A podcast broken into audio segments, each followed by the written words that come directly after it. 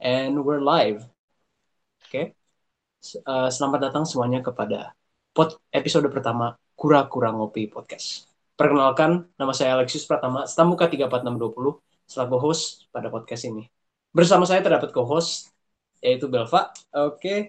Uh, saya juga terdapat ketua KAPA pada periode 2020-2021.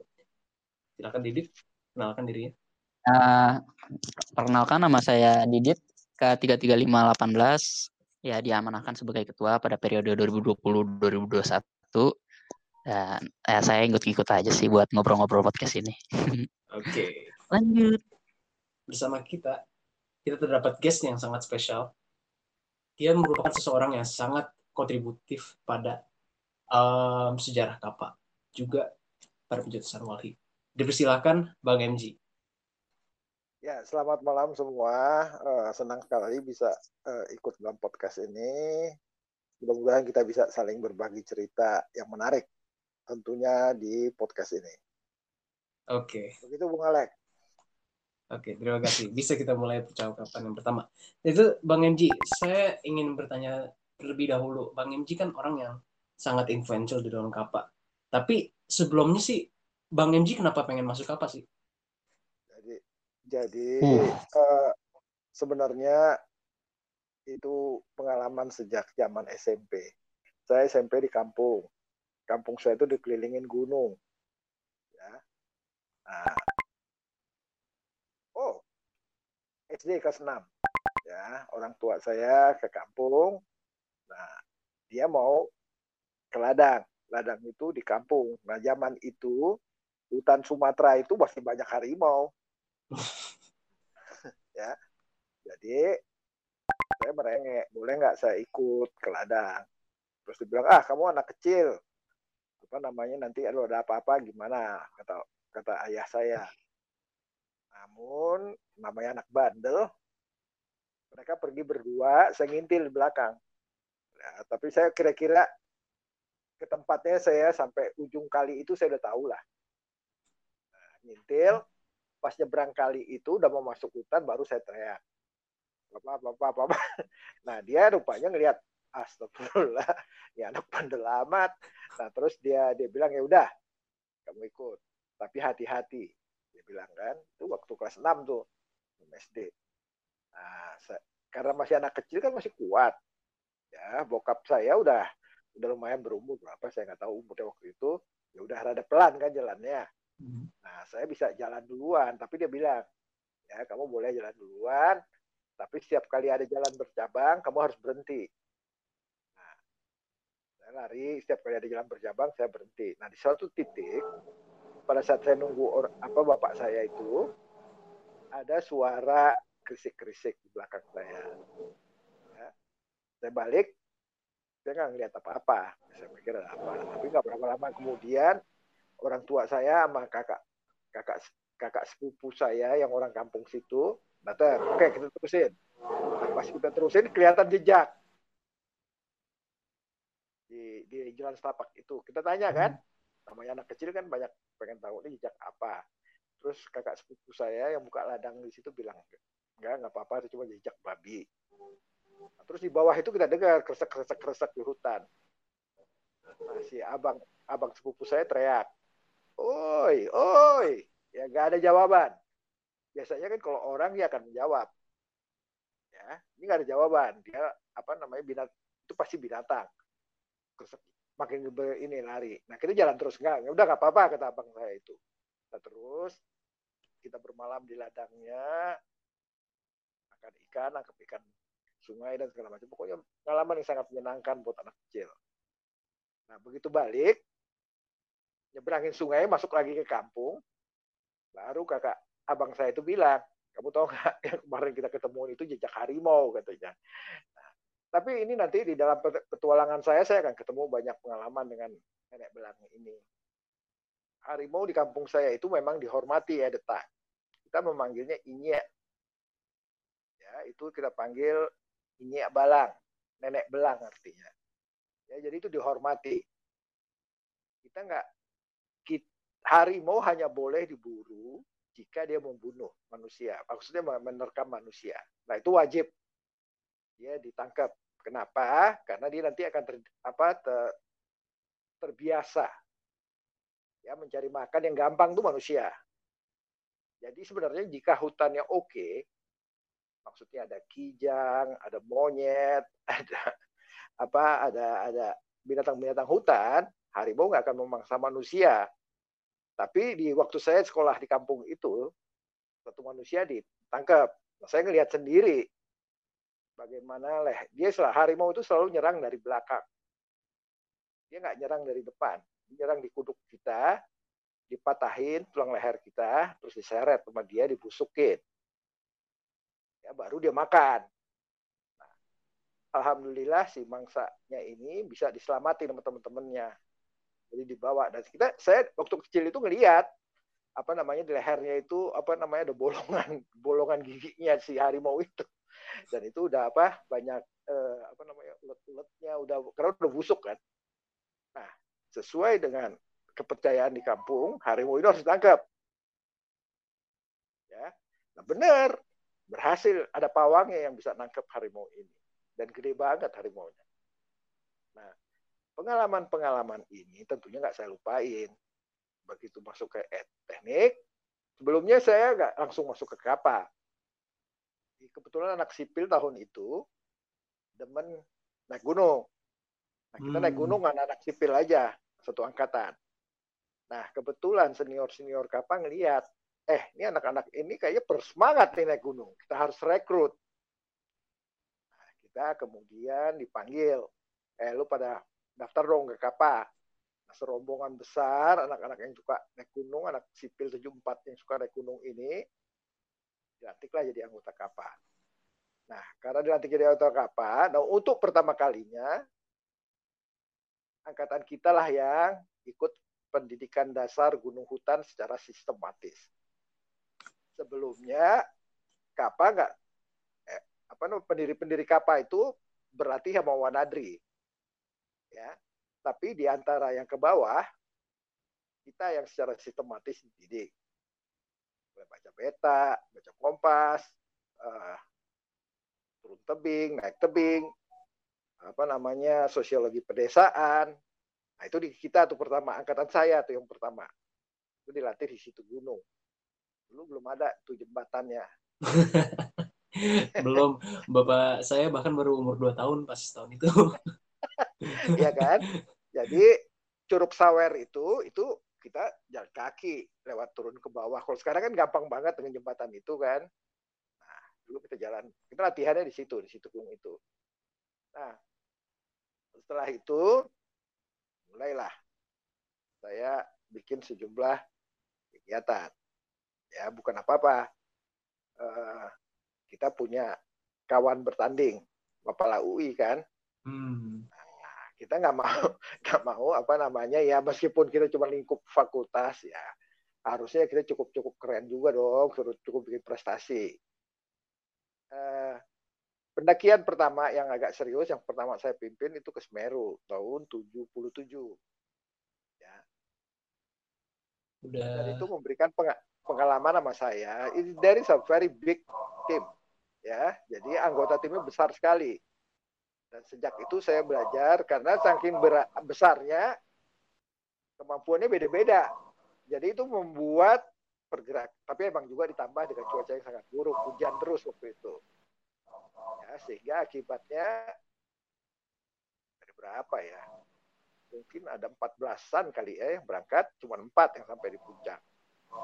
Ya. Karena saya pemimpinnya, saya harus sampai di puncak. Ya, tapi itu sejak itu saya per, saya ngambil keputusan nggak mau lagi berangkat rame-rame. Itu akhirnya jadi kredo saya. Kalau saya mau berangkat apa pun petualangan, timnya harus tim kecil. Karena itu tadi pelajaran Semeru saya itu mengajarkan hal itu. Kemudian tahun 79 kita bertiga kali ini. Nah, kalau bertiga kan under control. Kita naik semua gunung-gunung di Sumatera. Mulai dari Depo yang paling dekat ke kita ke Jawa, ya di uh, Pagar Alam, terus sampai ke gunung-gunung di Kerinci, di Sumatera Tengah, terus sampai saya terusin ke apa namanya Loser enggak enggak sampai ke Loser, hmm. sampai ke uh, Sinabung Sibayak. Jadi itu 79. 80, nah ini yang seru. 80 saya eh, saya udah mulai aktif di Walhi. Saya udah mulai aktif di lingkungan. Kapa mulai eh, berkecimpung di dunia lingkungan itu tahun 79. Ya, di tahun itu untuk pertama kalinya klub kita, klub Kapa, hmm. itu membuat Car Free Day di kampus Salemba. Karena kan oh. teknik Salemba. Itu cuma dipraktikin di kampus doang atau gimana, Bang? Di kampus doang. Itu tuh pertama kalinya Car Free Day itu kita tahun 79 kita buat. Oh. Jadi di Salemba nggak boleh mobil datang masuk parkir di situ. Could you imagine kita itu kan anak teknik, cuma anak fakultas. Hmm. Di Salemba itu kan bukan hanya kita. ya kan ada anak ekonomi, ada tapi nggak tahu ya. Akhirnya kita berhasil, benar-benar nggak ada pada hari lingkungan itu 5 Juni nggak ada apa namanya mobil yang boleh masuk itu benar-benar lengang. Jadi Car Free Day yang pertama tuh kita yang buat. Itu diusulin ke satu kampus atau gimana? Uh, Bang ya, bikin proposal dulu gitu? Kita bikin, kita lobby karena gini. At the time, most yeah. of the activists itu adalah uh, anak apa? Senatnya hmm. anak apa, BPM-nya anak apa. Jadi untungnya kayak gitu. Jadi kita memperoleh dukungan bersama-sama untuk membuat kerja besar ini bisa jalan.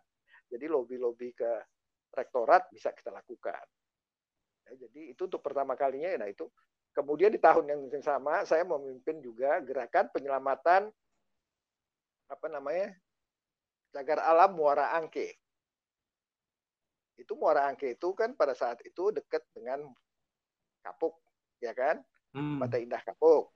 Nah, kita berusaha untuk menjaga itu nggak dicaplok. Ya, tetap dilindungi. Nah, itu kita bekerja sama sama Aranya Kala Trisakti. Kita rame-rame naik sepeda ke sana.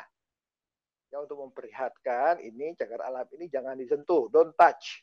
Ya. Hmm. Karena ini perlindungan buat eh, Jakarta. Ya. Sebagai rawa bakau yang akan melindungi. Alhamdulillah itu berhasil dan sampai sekarang masih ada kan rawa bakau hmm, yeah. itu. Ya, jadi itu tahun 79. Nah, 80 karena gerakan itu ya, saya diminta sama Erna Witular, John Adi Condro dan kawan-kawan ya, untuk memimpin uh, pertemuan Oktober. Itu kan ulang tahunnya Kapa tuh harusnya deket-deket itu. Iya, tanggal saya 18. Diminta, saya diminta untuk memimpin itu itu tanggal 10 Oktober tuh ya, memimpin persidangan di antara seluruh penggerak lingkungan di Indonesia untuk membentuk suatu organisasi bersama. Nah, at the time, curigation itu sangat tinggi. Hmm.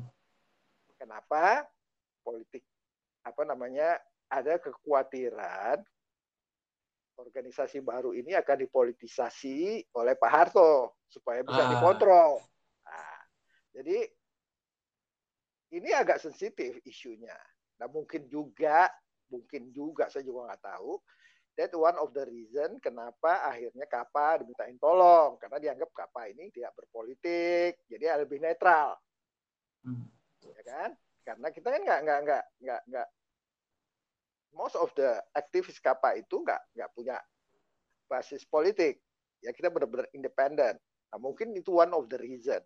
Jadi karena yang memimpin persidangan anak apa, diharapkan orang-orang yang ikut itu nggak merasa merasa merasa apa di, di kooptasi, ya, tidak dikendalikan ya sama organ politik. Mungkin itu one of the reason. Saya nggak tahu juga, tapi saya diminta untuk memimpin persidangannya, menyiapkan persidangannya, dan Kapa yang melakukan. Maka itu berlangsung di Yayasan apa gedung YTKI itu di Gatot Subroto tuh sebelah kiri. Sebelah kirinya apa namanya kuningan itu jembatan sebelah kiri. Ya di Gatot Subroto situ. Itu masih ada gedungnya sampai sekarang. Nah jadi dibuatlah persidangan. Ya, seluruh pencinta alam, seluruh organisasi lingkungan, LSM, semua kumpul. Ya, kita berembuk. Bagaimana kalau kita buat organisasi bersama untuk mengatasi permasalahan lingkungan. Kenapa hal ini dijalankan? Karena Emil Salim sadar dia nggak punya orang yang bisa membantu dia menjalankan upaya-upaya perlindungan lingkungan dengan baik. Itu kan ada pemerintah yang namanya pemerintah Orde Baru yang sangat kuat, kan ini sangat keras. Bapak Emil dengan cerdas mencoba membuat koalisi dengan kelompok-kelompok merdeka kayak kita ini.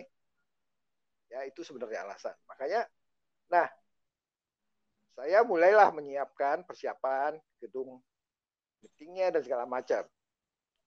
Nah, muncul perkara berikutnya. Teman-teman itu, teman-teman yang bantuin saya itu, jadi tuh, good. Ini turunin jangan. Jadi kan setiap kali ruang rapat itu pasti ada gambar presiden sama wakil presiden kan. Mm-hmm. Sampai sekarang kan juga begitu kan. Iya, ya kan? sampai sekarang. Itu kan kewajiban kan. Ya ada gambar yeah. presiden dan wakil presiden. Nah di zaman itu karena kita nggak suka sama pemerintahan otoriter orde baru, setiap kali anak-anak UI bikin kegiatan, ya bikin leadership training course, bikin pelatihan mahasiswa, itu gambar presiden biasanya kita turunin. ya kita taruh di bawah, bukan apa-apa kita bilang ah malu ah didengerin sama dia. Jadi, ya, nah sekarang teman-teman saya yang ngebantuin itu ada namanya Bangun, ya Bangun Riyadi dia pernah nanti kemudian dia jadi ketua KAPA ya. Ini itu Gun ini turunin jangan. Artinya dia pikir sama aja kayak kita bikin leadership training course. Apa hmm. namanya kalau ada gambar presiden gitu ini kan nggak bisa seperti itu. Ini kan apa namanya urusan negara. Karena secara resmi akan hadir dua menteri. Ya menteri Emil Salim menteri negara uh, Pembangunan dan Lingkungan Hidup sama Menteri Kehutanan Sujarwo. Sama satu lagi ada menteri lagi, Menteri Pemuda dan Olahraga uh, Abdul Gahur almarhum. Ya, jadi ada tiga menteri. Jadi kan nggak bisa main-main. Tapi karena anak-anak ini nyeletuk, waduh enak juga kita nggak konsisten kan. Masa kalau kita sendiri kita turunin ini ya udah turunin aja kata kata saya kan ya akhirnya jadilah suatu persidangan resmi yang dihadiri oleh wakil presiden Hamengkubuwono IX. Ini ada wakil presiden yang hadir pada saat pembukaan sidangnya itu. Ada dua, ada tiga menteri, ya, tapi kagak ada apa foto presiden dan wakil presiden. Saya tegak, saya tegangnya setengah mati. Saya tegangnya setengah mati. Tapi nggak tahu ya mungkin Tuhan melindungi juga mungkin nggak orang nggak ada yang ngerasa itu hal yang penting jadi ya aman-aman aja itu. Jadi meskipun saya, saya karena saya kan yang paling tahu.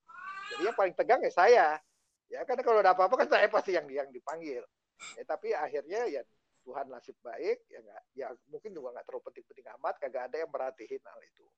Maka lahirlah wahyi ya, wahana lingkungan jadi Kapa itu punya saham yang besar di situ.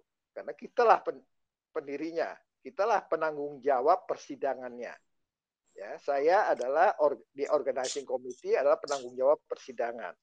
Ya, saya nggak tahu mungkin ini kan pasti ada urusan politiknya juga ya. Tadi saya berasa karena satu Pak Emil menginginkan suatu lembaga yang bisa membantu dia dan Kapa dianggap sebagai orang apa kelompok kegiatan yang tidak berpolitik. Nah, jadi lagi selesai. Nah, di tahun yang sama itu ada yang namanya Operation Drake. Ya, Operation ah, Drake. Operation Drake itu apa? Operation Drake. Operation Drake. Kamu bukannya tahu, yang ini, Bang? Drake uh, ini, hampir gagal ya, Bang.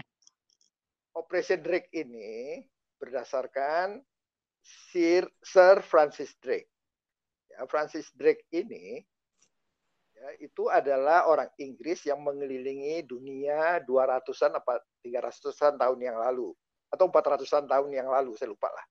Ya, tapi dia adalah salah satu penjelajah Inggris yang mengelilingi dunia. Nah, dalam pengelilingannya dunia dia singgah di Indonesia.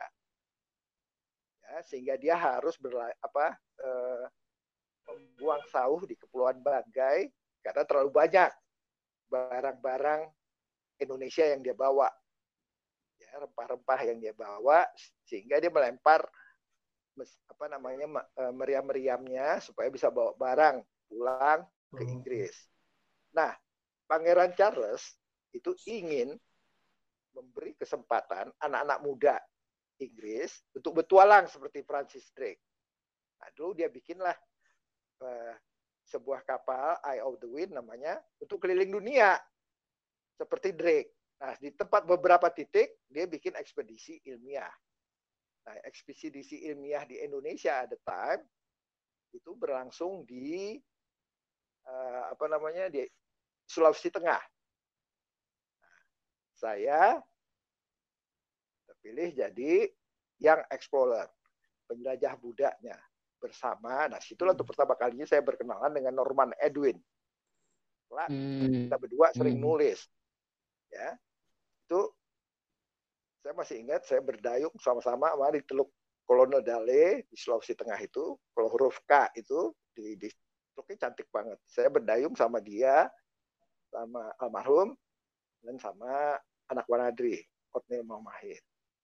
Ya, jadi itu pertama kali saya ber, ber, bersentuhan dengan pencetalan-pencetalan top lainnya di Operation Drake tersebut.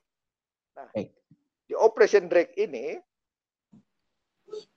ada satu hal yang mungkin kalau kalian udah pernah baca buku-bukunya Kapa itu udah pernah ceritain. Di salah satu tugas yang saya lakukan adalah menjadi penterjemah ya untuk operasi medis. Ya operasi Drake ingin tahu kadar kesehatan masyarakatnya obat-obat yang mereka gunakan di kawasan ekspedisi masyarakat asli itu berobatnya gimana sih, kondisi kesehatannya seperti apa sih, ketinggiannya seperti apa sih. Nah saya ditugaskan untuk membantu apa namanya eh, penelitian medis ini. Penelitian medis ini udah dua kali gagal. Ya. Kenapa gagal? Karena banyak apa namanya orang bule-bule itu suka baku naik. Ya, dia suka berenang-berenang, buka-bukaan. Jadi oh. orang-orang oh. orang-orang itu nggak respect. Ya. Nah, akhirnya hmm. yang dia minta tolong saya. Saya bilang, dokter Ayan, jika kalau mau gue bantuin, saya punya syarat. Gue harus dengerin. Apa katanya? Ya, saya bilang, lu jangan berenang-berenang tanpa pakai apa pakai bajunya agak tertutup. Dan tidak ada lagi yang berenang-berenang kalau udah maghrib. Ya karena buat masyarakat pesisir ya kebanyakan Bugis itu ini jadi akan jadi perkara besar. Ini Muslim soalnya. Hmm. ya kalau di tengah mungkin nggak apa-apa. Oke oke oke kata dia. Oke kita bantuin. Nah, pada saat saya bekerja itu tiba-tiba ada satu tim bule yang hanya membawa satu penunjuk jalan bergerak ke utara ke arah pegunungan Tokala. Saya tahu mereka ingin mencari suku Wana yang paling agresif, yang paling liar. Ya, itu kan ekspedisi itu petualangannya kan di situ. Hmm. Nah saya apa namanya dia ingin sekali mencapai itu. Itu di di base camp itu selalu bergunjingannya di situ. Ya bagaimana kita menemukan suku wana yang paling liar ini. Ya. Nah, pergunjingannya di situ. Nah saya lihat kok satu tim dikirim satu tim patrol dikirim ya. Kagak ada tim Indonesia-nya. Nah ini kan bikin perkara besar buat saya ya anda bisa bayangkan ya mereka pergi hanya bule-bule doang. Halo? Iya, yeah, halo, halo. Mereka Pengen pergi hanya bule-bule doang, ya tanpa membawa tim Indonesia. Ya. Saya bilang, it's not good. Ya. Lalu saya bilang, saya bilang sama dokter Ayan, komandan tempat bos saya yang boleh nggak saya pergi ke utara? Dia bilang ngapain? Saya bilang, there is one team going north. Ya, there is no Indonesian uh, apa yang explorer with them. Hmm. Gak ada Saya representatifnya. ya. Terus dia bilang, do you know the consequences? Dia bilang, I know. Saya, saya bilang, saya tahu. Ya, karena saya pergi tanpa perintah dari base camp, saya kan lagi dit- ditugaskan untuk medis. Hmm. Nah, sekarang saya memutuskan untuk pergi ke utara bersama tim patrol itu kan, membayangi tim patrol itu. Tapi kan saya bukan di dalam perintah base camp. Ya. Kamu tahu konsekuensi? Tahu, Pak. Dokter Ian. Ya. I will take my responsibility. Tanggung jawab saya. You don't worry lah. Oke. Akhirnya karena saya nggak dapat, karena saya per- pergi bukan tanpa perintah base camp, saya nggak dapat support logistik. Tapi saya pikir ah ini kan kampung gua, ya ini kan negara gua masa sih gua nggak bisa survive? Ya petualangan-petualangan sebelumnya kan ada aja orang kampung yang nolongin. Ya, saya berpikir sederhana aja. Akhirnya saya pergi dengan satu teman ya, yang di tempat daerah medis itu yang karena saya aktif bersosiologi pedesaan dengan mereka jadi teman. Oke kita pergi, saya anterin. Karena perbahasa orang Wana ini kan nggak bisa bahasa Indonesia. Kebanyakan karena nggak ada karena kagak ada kagak ada apa namanya be- apa eh, bekal yang dikasih ya kita bawa modal.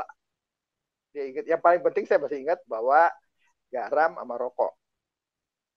Ya si itu namanya Jabar temen yang nemenin saya itu yang orang orang Tokala itu bawain rokok sama ya, garam. Karena orang-orang Wana itu nggak suka ngerokok tapi nggak punya garam karena dia di pedalaman sana.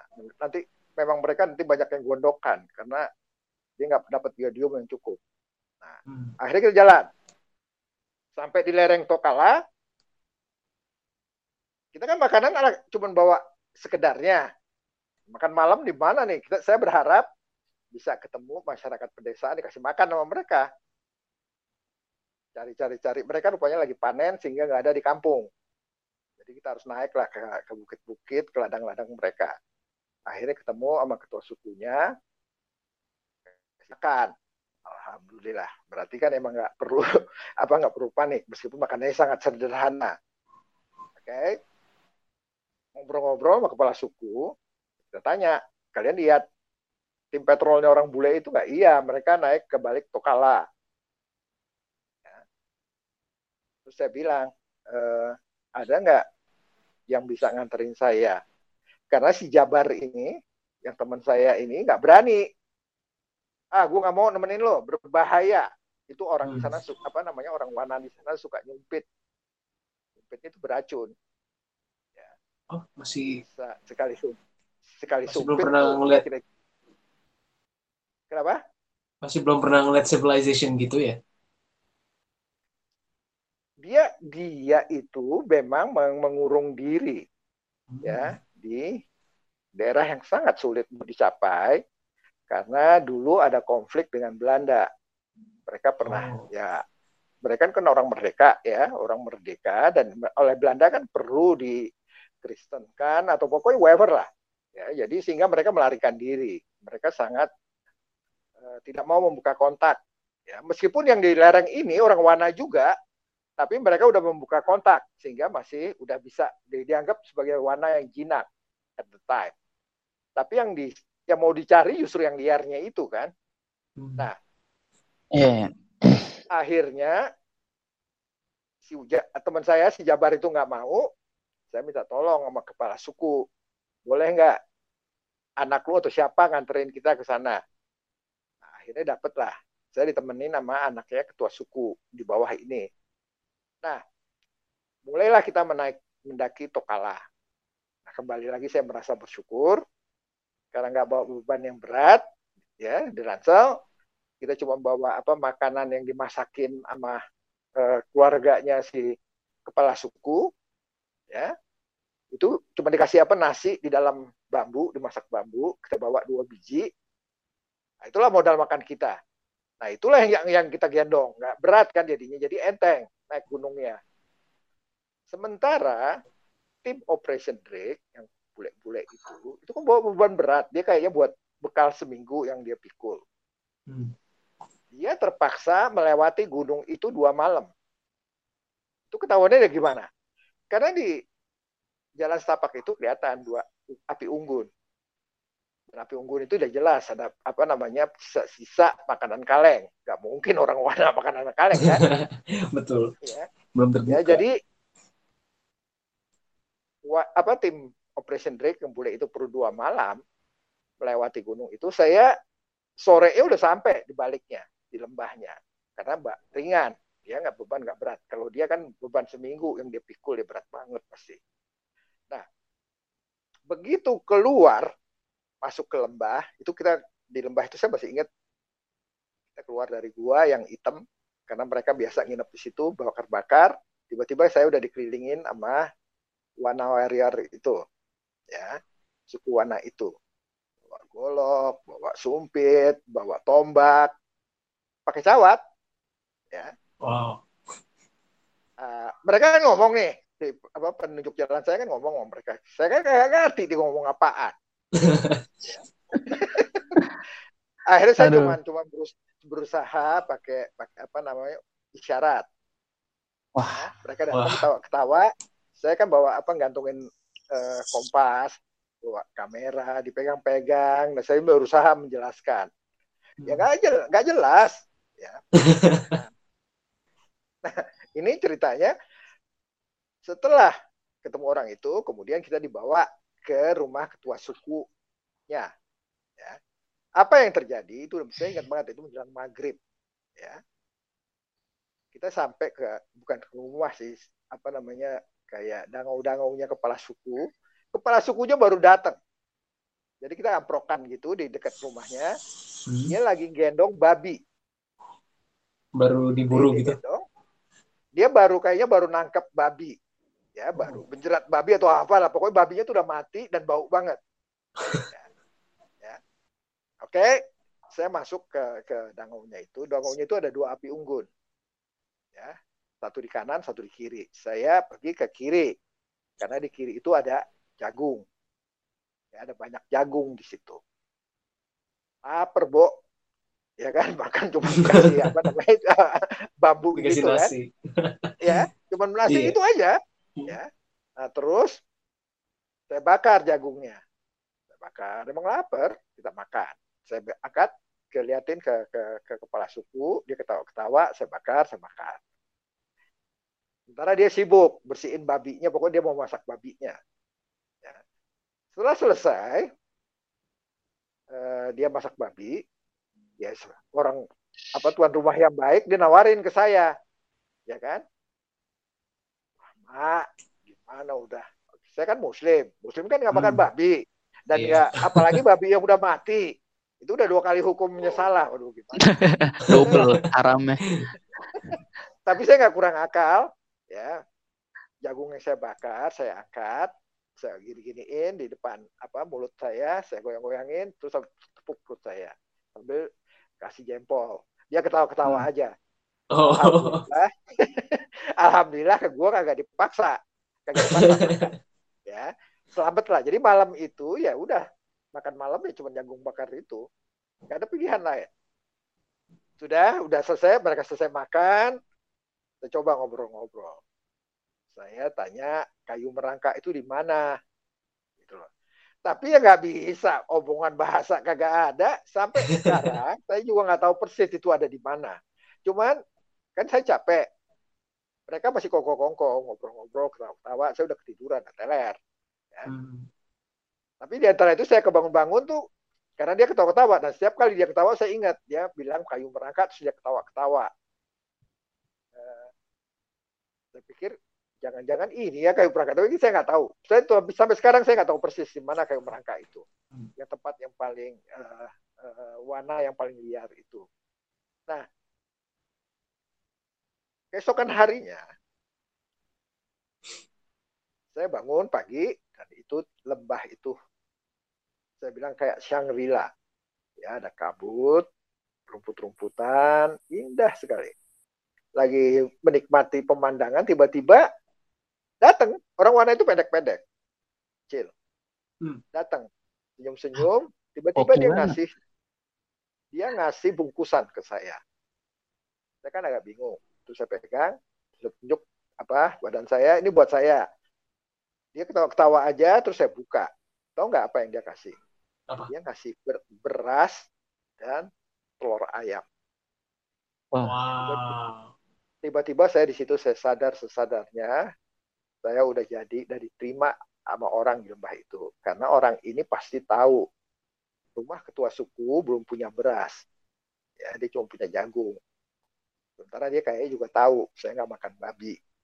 Ya. Hmm. Nah, saya dikasih beras dan telur. Itu saya benar-benar ngerasa oh ternyata kalau niat kita baik sejahat apa pun kata orang tentang itu itu nggak akan mengganggu saya. Nah akhirnya benar saya jadi jadi sahabat sama mereka. Bang, sorry Bang, ini tahun berapa Bang? ini tahun 80 80. Setelah Jadi- yang disuruh ekspedisi Walhi itu. ini ekspedisi Operation Drake ya. Operation itu Drake. saya ikut. Ya, Operation Drake. jadi Operation Drake. Ya. Saya lupa. Tiga malam kalau nggak salah. Dua malam atau tiga malam saya di sana.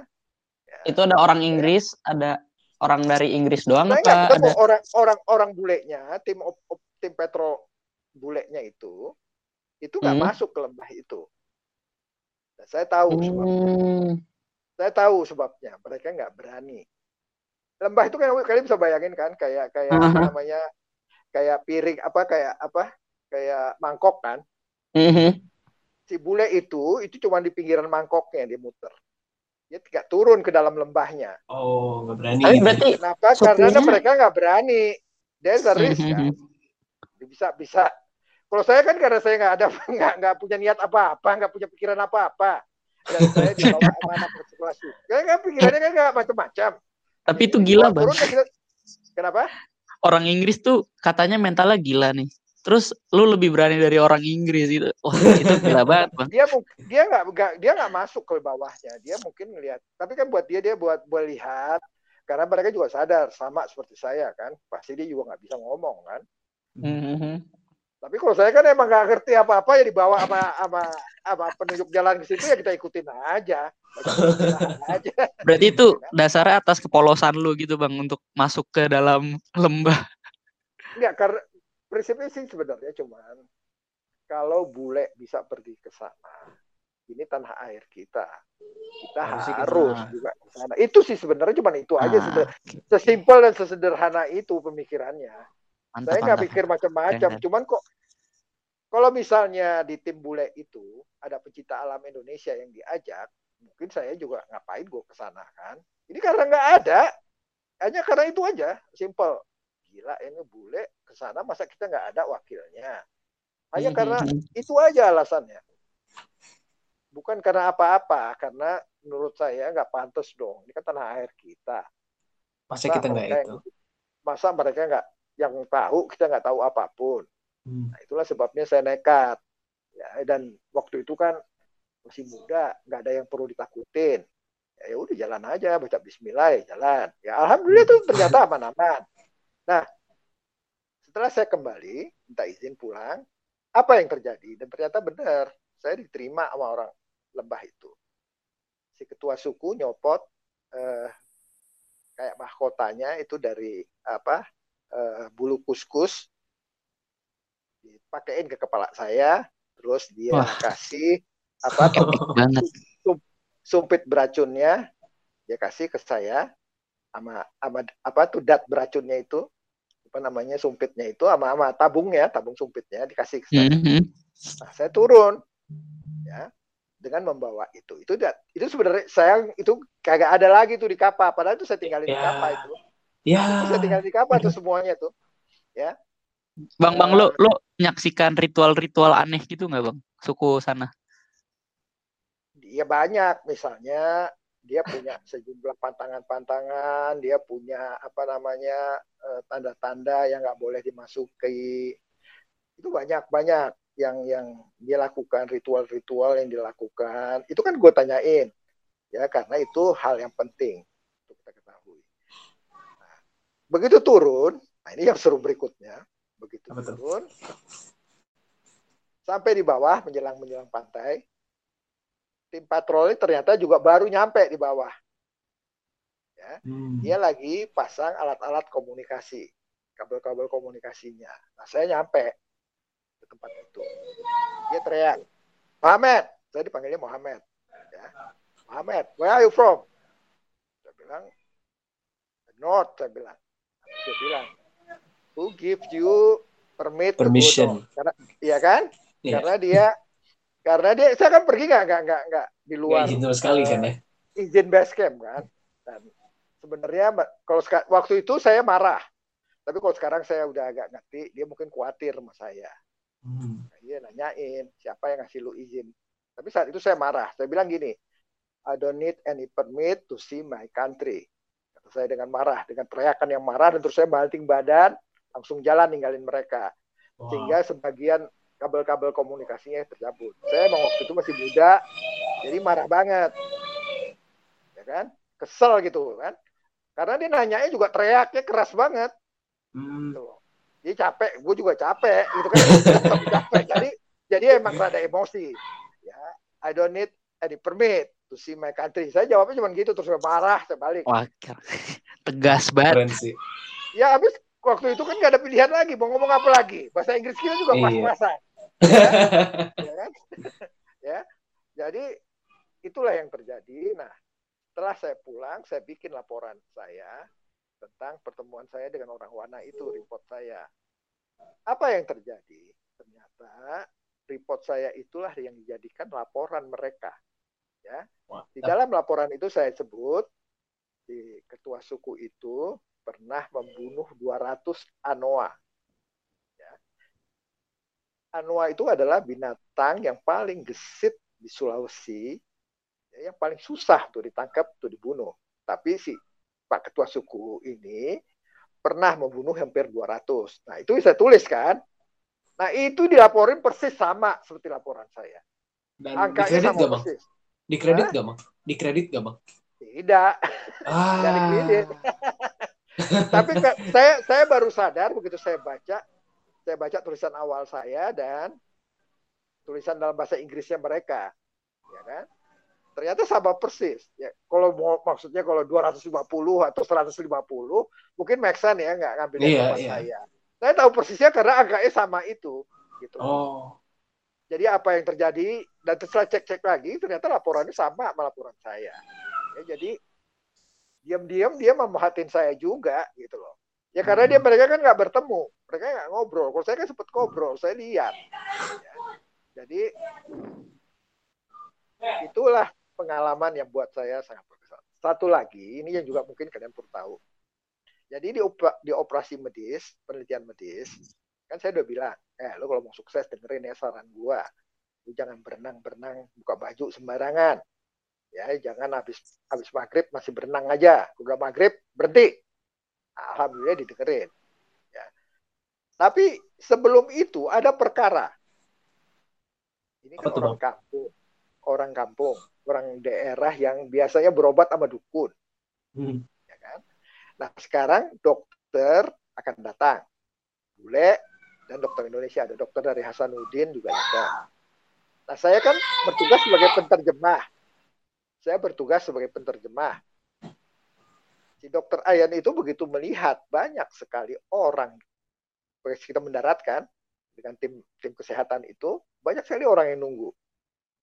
Si dokter Ayan tanya sama saya, why so many people here katanya. Terus saya bilang, itu orang-orang itu nunggu kita karena mereka mau berobat. Siapa yang janjiin mau berobat? Ternyata tim advance kita ngomong janjiin itu. Saya bilang, tim advance make a promise, saya bilang. Tapi saya nggak bisa janji kayak gitu. Waduh, susah kan? Susah. Di, di, di antara di antara pasien itu ada Pak Camat. Nah, Pak Camat kan yang paling muncul kan. Dia kan ngelihat saya berdebat gitu, ada apa kata Pak Camat. Ya, saya jelasin kayak kayak kayak gitu. Nah, terus si dokter Ian bilang, tel Pak Camat. Ya kasih tahu Pak Camat, ya kita nggak bisa memeriksa pasien sebanyak ini karena kita nggak punya obat-obatan yang cukup. Ya, Sementara di kepala saya, ini orang-orang ini nggak pernah diperiksa sama dokter. Dia biasanya sama dukun. Artinya kalau dukun aja bisa nyembuhin dia, masa sih lu dokter nggak pakai biaya akal tuh apa kek? Ya, kan bisa kayak gitu. Ya. Terus dia bilang kalau si apa namanya si Camat eh, tersinggung kita akan balik. Nah di situ saya jadi penterjemah yang lancung. Karena Pak Camat takut.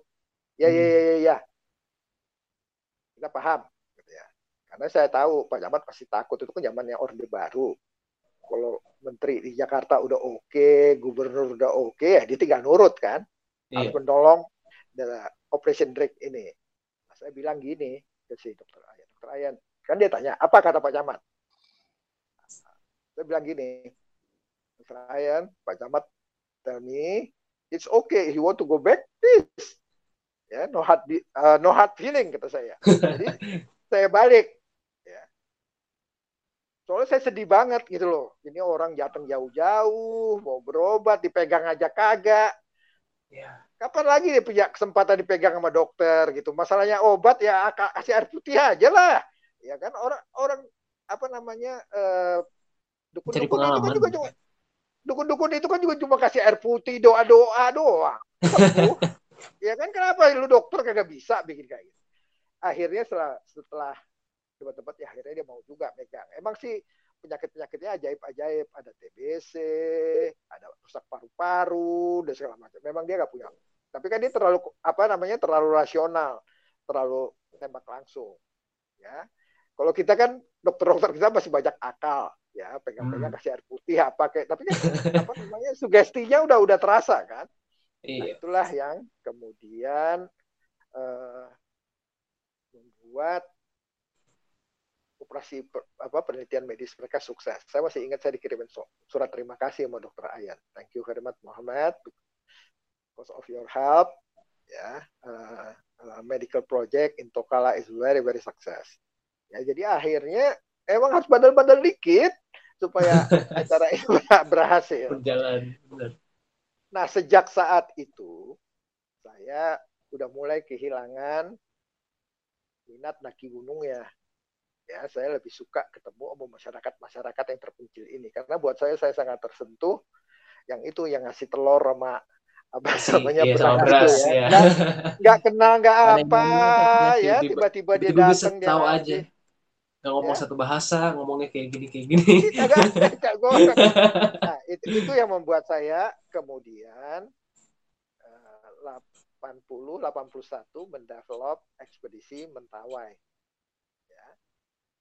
Saya memimpin tim kapal terbesar untuk meneliti itu Mentawai itu juga masyarakat terpencil. Nah itu yang membuat saya akhirnya jatuh cinta sama masyarakat terpencil dan kemudian mendevelop uh, memasyarakatkan lingkungan hidup apa mendorong pencinta-pencinta alam di daerah untuk memahami, hey, kita juga harus peduli sama masyarakat dan lingkungan hidup. Nah itu uh, kita bikin dan itu di uh, ikuti oleh banyak peserta. Eh, sukses ya membuat pencinta alam di Sumatera Barat dan Pekanbaru di Riau mulai bergerak dan mulai peduli. Dan kita disupport oleh Menteri KLH Pak Emil. Ya kita bikin presentasi ini kegiatan kita. Ya, jadi kemudian mentawainya kita bener obok-obok sampai ke daerah yang sangat terpencil. Ya. Jadi artinya kita mempelajari bagaimana kehidupan masyarakat yang terpencil itu, bagaimana cara hidupnya, bagaimana arsitekturnya, kita laporkan ke Pak Emil Salim. Nah, pelan-pelan kita mulai tajam di kegiatan lingkungan. 82 Nah, juga berikutnya kan penyita alam ada type itu kan semuanya ke custom. Ya. Hmm. Sementara kita kan sadar cari duit anak teknik itu nggak segampang anak mapala. Kenapa mapala kan UI, Ya nyari Hmm. duitnya lebih gampang. Ya berbeda dengan kalian yang udah punya banyak senior. Zaman itu senior kita siapa? Ya, cari-cari modalnya susah. Lalu saya kepikiran apa ya yang cukup spektakuler tapi masih bisa terjangkau. Bikinlah ekspedisi lintas Kalimantan dari pantai barat ke pantai timur. Ya paling enggak oke lah. Ya. Makanya berangkatlah kita, saya bertiga. Ya. Kita ngikutin dari Pontianak, nyusurin sungai sampai Putus Tibau, ya kemudian sampai sungai Kapuasnya habis ya. Nemu hulunya mata airnya di pegunungan Muler seberangin pegunungan Muler nggak berapa jauh dari hulu apa mata airnya Kapuas ketemu mata airnya Mahakam. Nah, terus kita turun. Jadi kembali lagi kita ketemu sama orang-orang yang terpencil ya. Jadi hobi saya itu akhirnya saya dan memang itu sangat mengharukan kehidupan mereka akhirnya baik. Cuman masalahnya kita nggak bisa ekspor terlalu dalam karena ada pemilu. Kita diusir. Ah, 82 itu kita diusir. Ya harus segera turun segera keluar. Ya karena dianggap kita dianggap bisa mempengaruhi masyarakat. Padahal dia kita nggak berpikiran politik. Tapi ya sudahlah. Nggak berubah juga. Ya, jadi kurang lebih sampai saya tamat saya aktif di Kapa. Saya sekolahnya lama 10 tahun. Wah. Jadi kurang lebih begitulah. Yang yang paling penting-penting lah. Ada lagi yang mau ditanyain? ya kan berhubung eh, tahu deh mungkin tahunnya beda sih tapi kan ada tuh anak mapala UI teknik juga di jurusan elektro suka main-main ke sekret kapa namanya Ajis Badai Kirana kira-kira kenal nggak pak Enggak, kena. ah nggak kenal ya Di yang paling dekat yang pernah eh, masuk ke Mapala itu namanya Nanang. Ya Ahmad Rizali itu mungkin angkatan 79 kali ya, kalau nggak 78 79. Ya, itu yang yang yang anak teknik yang pernah ke Mapala yang saya tahu. Kalau yang di bawah Hmm. itu saya nggak tahu. Eh, bang, ini aja sih bang. Pengen apresiasi aja sih tadi. Tadi dari cara lu cerita isi ceritanya. Eh, apa namanya? Eh, bagus banget sih. Gue dari tadi mikirin itu. Gue makanya kayak salut banget. Terus eh, apa ya zaman gue ngerasa kayak di zaman lu perjalanan perjalanannya tuh beda banget sama asiknya perjalanan perjalanan di generasi generasi gue gitu sih. Kayak Jelas. eh terus kayak, kayak ya ya gue sih berharap bisa dapet ya se- sebaik itu ceritanya gitu kalau kalau gue jalan gitu. Tapi kayak apa namanya ah, masih belum nemu aja. Itu terus sebenarnya sebenarnya contoh nih ya waktu kita naik gunung-gunung di Sumatera ya dari eh, Lubuk Linggau setelah kita turun dari Dempo untuk mencapai Padang ya itu kita perlu naik bus empat hari empat malam. Saat itu banyak jembatan yang kagak ada. Jadi kita jembatan-jembatannya masih pakai rakit. Pakai bambu. Atau Ya. gimana? Rakit. Dia pakai rakit. Jadi busnya itu naik ke atas rakit seberangin oh. Jalannya, ya busnya itu ya ya, jadi belum ada jembatannya itu masalahnya. Ya. Dan jalannya buruk sekali bus kita berhenti di tengah hutan mogok. Ya, karena berat sekali memang jalannya. Jadi memang kondisi infrastrukturnya memang saat itu buruk nggak seperti kalian. Kalian udah beruntung ya, ya maksudnya mau pergi ke Padang sekarang nggak berapa jauh lagi. Kalau dulu kan tadi dari Lubuk Linggau perlu empat hari saya sampai di Padang ya. Kemudian apalagi ya, ya infrastruktur dulu waktu saya keliling ke Nusa Tenggara busnya truk kita duduk di atas truk karena udah ada bus Ya, jadi memang eh, kondisinya berbeda, tantangannya berbeda. Sekarang teman-teman kapal cerita, "It's good. Kalau untuk pergi ke apa namanya ke Putus sekarang kagak bisa naik kapal lagi. Kalau dulu kan saya naik kapal, apa naik Hmm. perahu klotok. Ya, sekarang ada bus.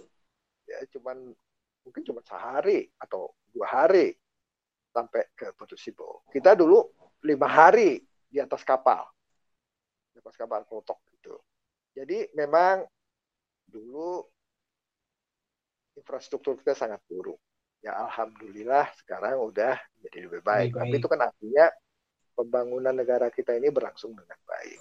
Tapi kembali semua tantangan itu harus ada. Banyak tempat-tempat yang bisa dieksplor ya yang bisa dicari ya bisa dikulik. Ya apalagi sekarang mudah adanya internet kan cek daerah-daerahnya. Dulu mah kita mah perkiraan-perkiraan aja ya. Jadi benar-benar di tangan Tuhan lah perjalanan itu. Oh emang eh nyalinya gede banget sih. Gua gua yang salut sih dari dari perjalanan-perjalanan lu kayak ber tergantung sama apa ya probabilitas semua. Ah terus uh, nggak tahu juga sih tapi uh, ya selain itu bang kan kalau gue di secret nih ada peta-peta tua. Pas yang kata lu tuh sempat nyumbang-nyumbang peta-peta tua gitu atau itu dari uh, angkatan? sebenarnya kita kalau naik gunung ya kita selalu pakai peta peta topografi kan. Kita bisa minta ke angkatan darat ya. Karena anak teknik ini eh, sangat mudah membaca peta ya. Kita punya keahlian logika yang lebih baik lah. Ah iya kan terbiasa. Kan, ya kita kan anak teknik jadi kita tahu lebih mudah lebih logis mengambil keputusan-keputusan. Nah inilah yang membuat uh, hidup kita jauh lebih mudah. Uh, ya, tapi emang ada semangat ya mungkin karena kita merasa bersaing kali ya mau mapala gitu ya. Jadi kita ada semangat untuk apa memperlihatkan sesuatu yang lebih. Uh, karena ini sangat terasa. Dan sebenarnya kapa itu nggak nggak nggak nggak terlalu merasa apa namanya mapala itu masalah besar karena kalau hmm. mapala sukses ya kita ikut sukses karena kita anak UI. Cuman kan problem mapala, iya. mapalanya yang kesel sama kita. Kalau kita sukses dia kan nggak bisa ikut ikutan sukses. Iya. Dia kan nggak bisa ikutan sukses. Ya dia bukan anak teknik. Kita, Tapi kalau dia sukses kita nggak rasa sukses juga nggak apa-apa karena kita anak UI. Ya, Kayak mapala UI nggak ada sahamnya di KAPA ya. Iya, itu masalahnya itu masalahnya di situ sehingga pada saat itu perseteruannya cukup keras. Ya. Ah, bang bang. ya. Dulu lu pernah sempat serapat gitu nggak sama anak-anak mapal satu perjalanan rapat bareng gitu? Secara uh, apa lu pisah rapat ya? Inisiatif bersama di, di kampus enggak. Tapi kalau di luar, ya tadi kan udah sebut di Operation Drake saya bareng Norman Nanti di hmm. Operation Rally 1997 saya juga melakukan hal yang sama sama Norman lagi ya sama beberapa mahasiswa kepala UI. Tapi kalau secara kegiatan bersama di kampus nggak pernah. Hmm. Ya. Terus kayak uh, di sana selain apa namanya ada yang memonitor nggak gitu kayak uh, di apa namanya uh, siapa yang lebih efektif orangnya gitu ada yang menilai gitu nggak di sana bang? Nggak ada. Kita kita kita pokoknya prinsipnya sederhana. Siapa yang ada waktu jalan. Kalau saya sih misalnya kayak gini kan saya mau lintas Kalimantan. Siapa yang mau ikut? Karena kan kita meskipun cari sponsor kan kita tetap harus ngeluarin duit pribadi. Meskipun di dalam lintas Kalimantan alhamdulillah duit pribadinya bisa dibalikin. Karena kita dapat dapat sponsor. Ini saya mau ceritain salah satu dapat sponsornya. Jadi begitu kita mendarat di Kalimantan, di Pontianak, saya kan seperti biasa buat surat jalan kapa kasih lihat ke apa namanya gubernur. Nah gubernur selalu salut juga. Kalian berani juga mau gini gini gini oke. Kasih izin kan? Kasih surat dikenalin sama bupati sehingga kita aman. Ya nanti diputus apa diputusi bau itu dikasih dukungan oleh bupati hari Jumatnya saya sholat Jumat. Teman saya si Edwin malas tapi saya udahlah saya sholat Jumat. Nah pas sholat Jumat ketemu Pak Gubernur lagi. Saya salamin saya salamin. Dikenalin sama Pak Pangdam. Pangdamnya bilang nah, si Pak Gubernur deh dikecapin lah ini anak-anak yang mau pergi ke pedalaman gini gini gini, gini mau nyebrangin apa namanya Kalimantan. Wah kagum juga sih Pak Pangdamnya Oke, nanti malam kalian datang deh ke rumah saya makan malam. Ya. Uh, nanti di pedalaman kalian pasti susah makannya. Oh, terima kasih banyak Pak. Terus saya bilang kan sama teman, Win, makanya sholat, rezeki itu enggak, enggak apa namanya akan akan akan lancar kalau sholat itu lancar. Dia ketawa-ketawa aja. Dan benar, malam itu kita dijamu, ya makan yang paling enak lah, pangdam kan, kasih makan yang enak, makanan Chinese yang enak. Nah, terus dia tanya, apalagi yang kalian perlukan? Nah, di sini profesionalisme saya diuji. Jadi yang paling gampang kan minta duit, ya.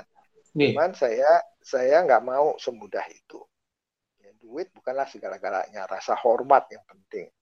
Jadi saya bilang, Pak, kita ini mau masuk ke pedalaman. Kita sering kali motret orang-orang di pedalaman. Cuman kita nggak pernah bisa ngirimin foto-foto mereka ke pedalaman. Nah, tahu oh. sendiri itu angkutan susah banget kan. Gimana mau ngirim foto, mengirim barang ke pedalaman seperti itu. Lalu apa yang kalian perlukan? Kalau bisa, boleh nggak kita dikasih apa namanya itu foto yang langsung jadi itu apa namanya? Uh, uh, Polaroid.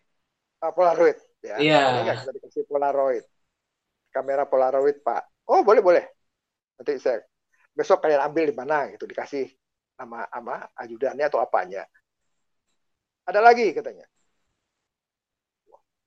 Ini kalau ini kalau minta banyak-banyak kira kemaruk dan segala macam. Apalagi kan kita udah di apa di lapangan ya seharusnya semuanya udah beres boleh minta-minta yang macam-macam lagi kalau tadi minta polaroid ya make lah si, siapa namanya Edwin ya tuh Pak boleh nggak kita dikasih topi rimba? Oh boleh, boleh. Nanti kamu datang ambil di Kodam. Ya. Topi rimba. Kita minta topi, topi, topi, topi rimbanya Kodam. Ya, ya kita minta itu. Hmm. Apa yang terjadi? Ya Edwin kan yang ngambil karena dia yang minta, dia yang ngambil ke Kodam. Kan dia dikasih tiga kan?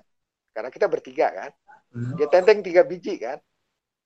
Di jalan ketemu tentara-tentara itu, dibilang, Dek, topinya kasih saya aja deh.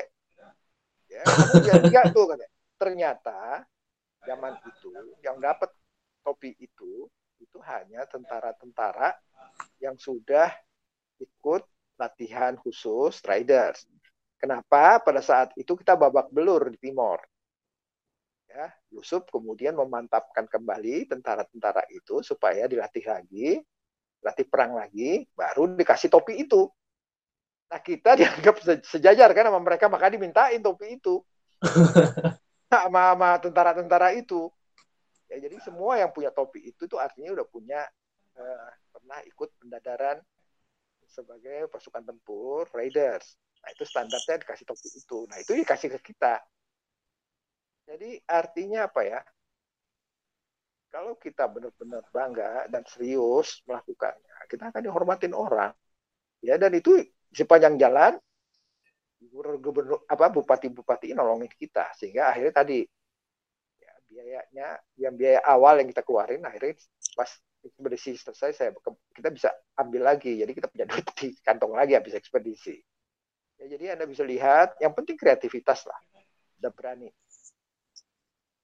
Bang kalau dulu hubungan kapal sama GMC gimana bang? Yang di FMIPA ada penyinta alam di FMIPA. Nah, penyinta alam tapi fokus ke GH aja, Bang. FMIPA geografi apa geologi? Geografi, geografi. Apa belum terbentuk dulu? Saya nggak tahu. Kita setahu saya yang saya pernah tahu di UI itu itu di FISIP pernah bikin sama seperti kita. Dan saya berkawan baik sama pendirinya. Tapi oleh Mapala dia diajak untuk uh, bergabung sama Mapala sehingga itu nggak jadi uh, oh. visip akhirnya nggak jadi. Itu aja yang saya tahu. Ya, yang lainnya kita bekerja sama sama Pinta Alam, Pinta Alam di luar kayak Trisakti, Biological Science Club, ya UNAS, ya tapi eh, di UI kayaknya nggak nggak ada. Yang konsisten itu cuma Kapa, yang konsisten. Mhm. Wow, wow, hubungan dengan politekniknya itu sebentar. Politeknik Kayaknya negeri itu juga belum ada kali ya. belum ada ya. Oh iya dia baru 34 umurnya kan. Eh 37 iya nih. baru tiga Iya baru tiga tujuh. Tuan Kapa kalau gitu dong. Iya, kamu udah jauh 48 jauh lebih tua apa? 50. iya. Udah tahun lagi.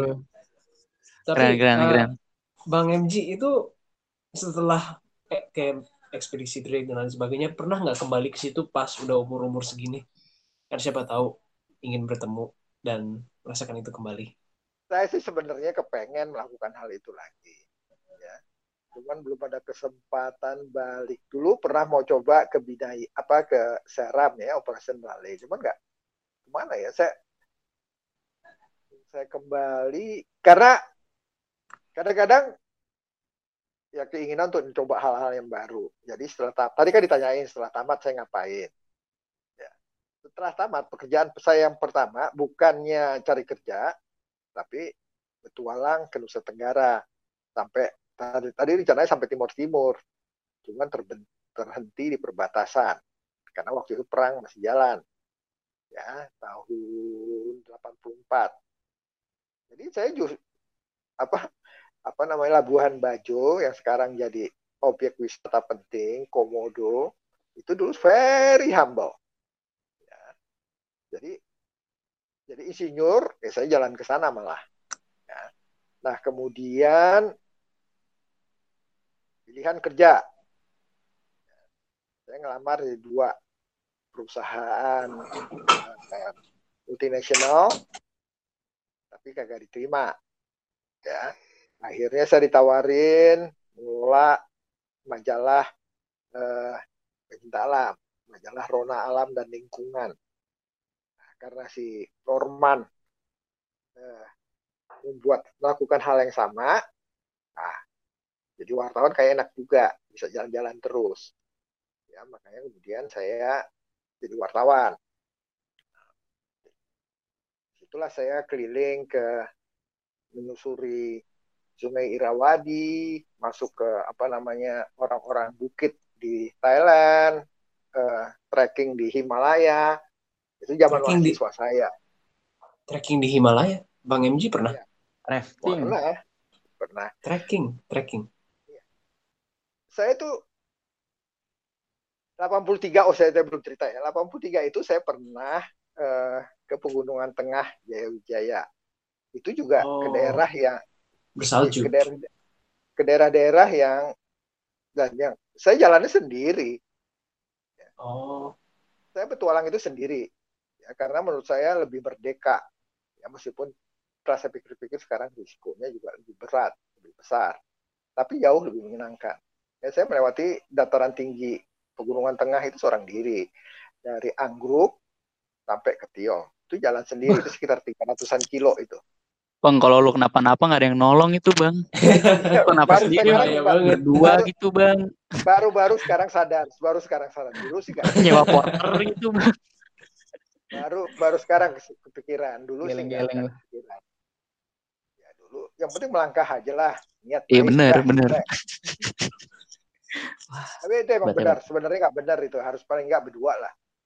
Iya. Aduh. Hebat, hebat, hebat, hebat. Bang, dulu gue penasaran deh.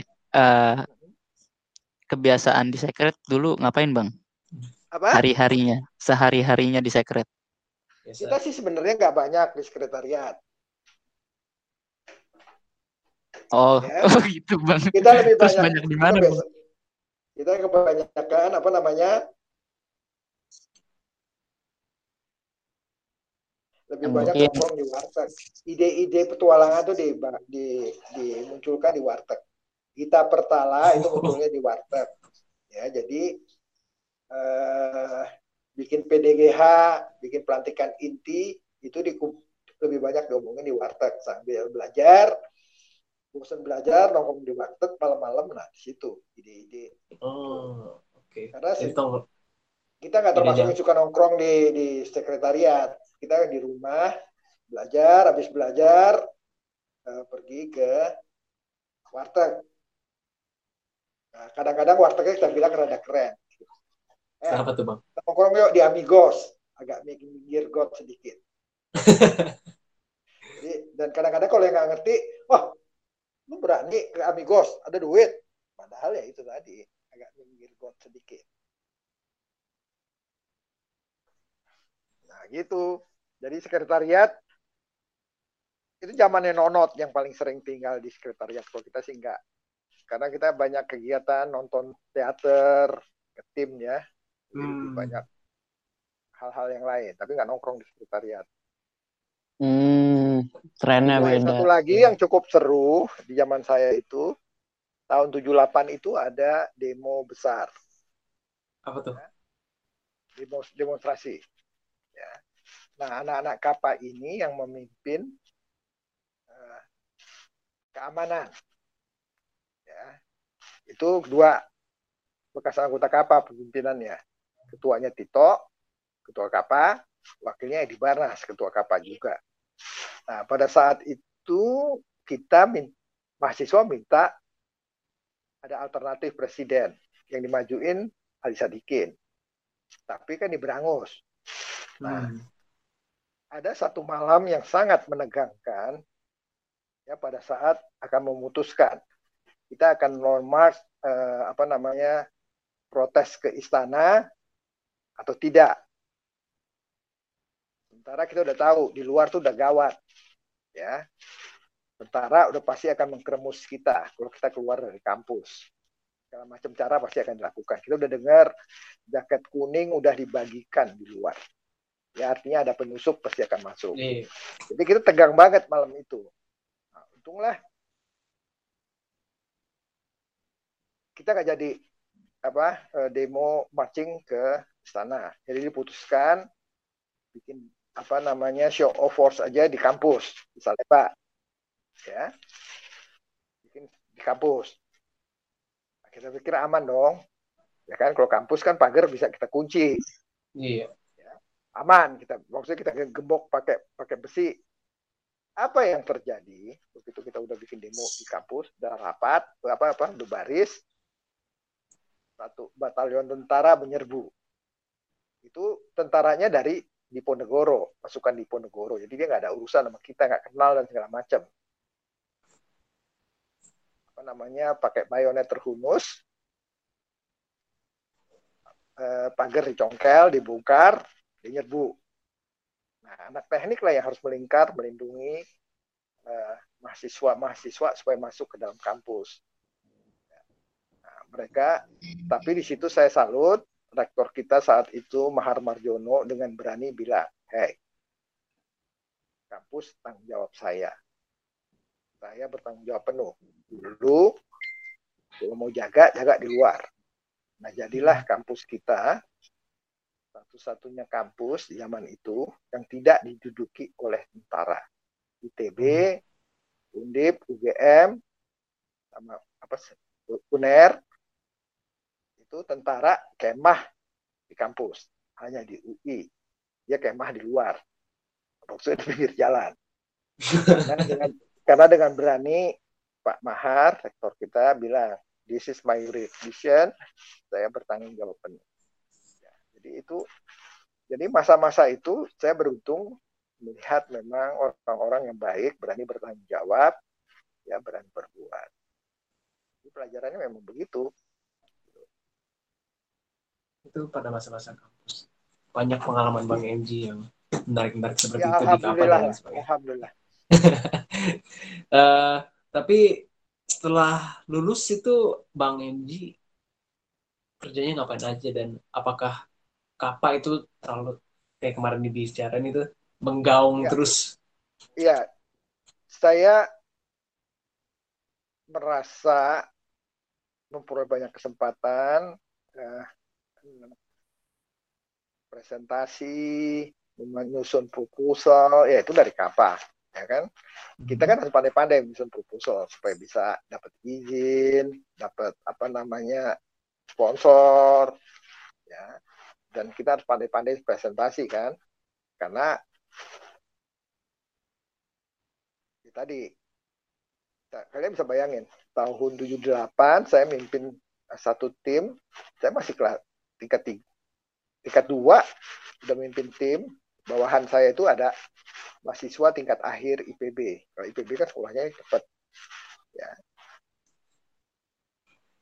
Bikin pelit, apa namanya riset eh, transmigrasi di Sumatera Barat. Satu teman saya namanya Didi Kribo benar-benar kribo. Kayak ucok aka rambutnya gitu dengan tenang aja kita nggak masuk ke ketemu gubernur ya rambut gondrong pede pede nggak ada rasa takut apa pun. Ya jadi kita ketemu gubernur ketemu apa bupati ketemu menteri udah biasa. Menteri Emil Salim datang pada saat kita bikin musyawarah kapa oh iya yeah. saya pernah ada fotonya di buku kapa dulu. Iya kan? Jadi yeah, itu ada. memperlihatkan bahwasanya kita memang dianggap sambadi yang penting untuk berbaik-baik lah mereka. Jadi, jadi dengan mungkin kita merasa sangat percaya diri.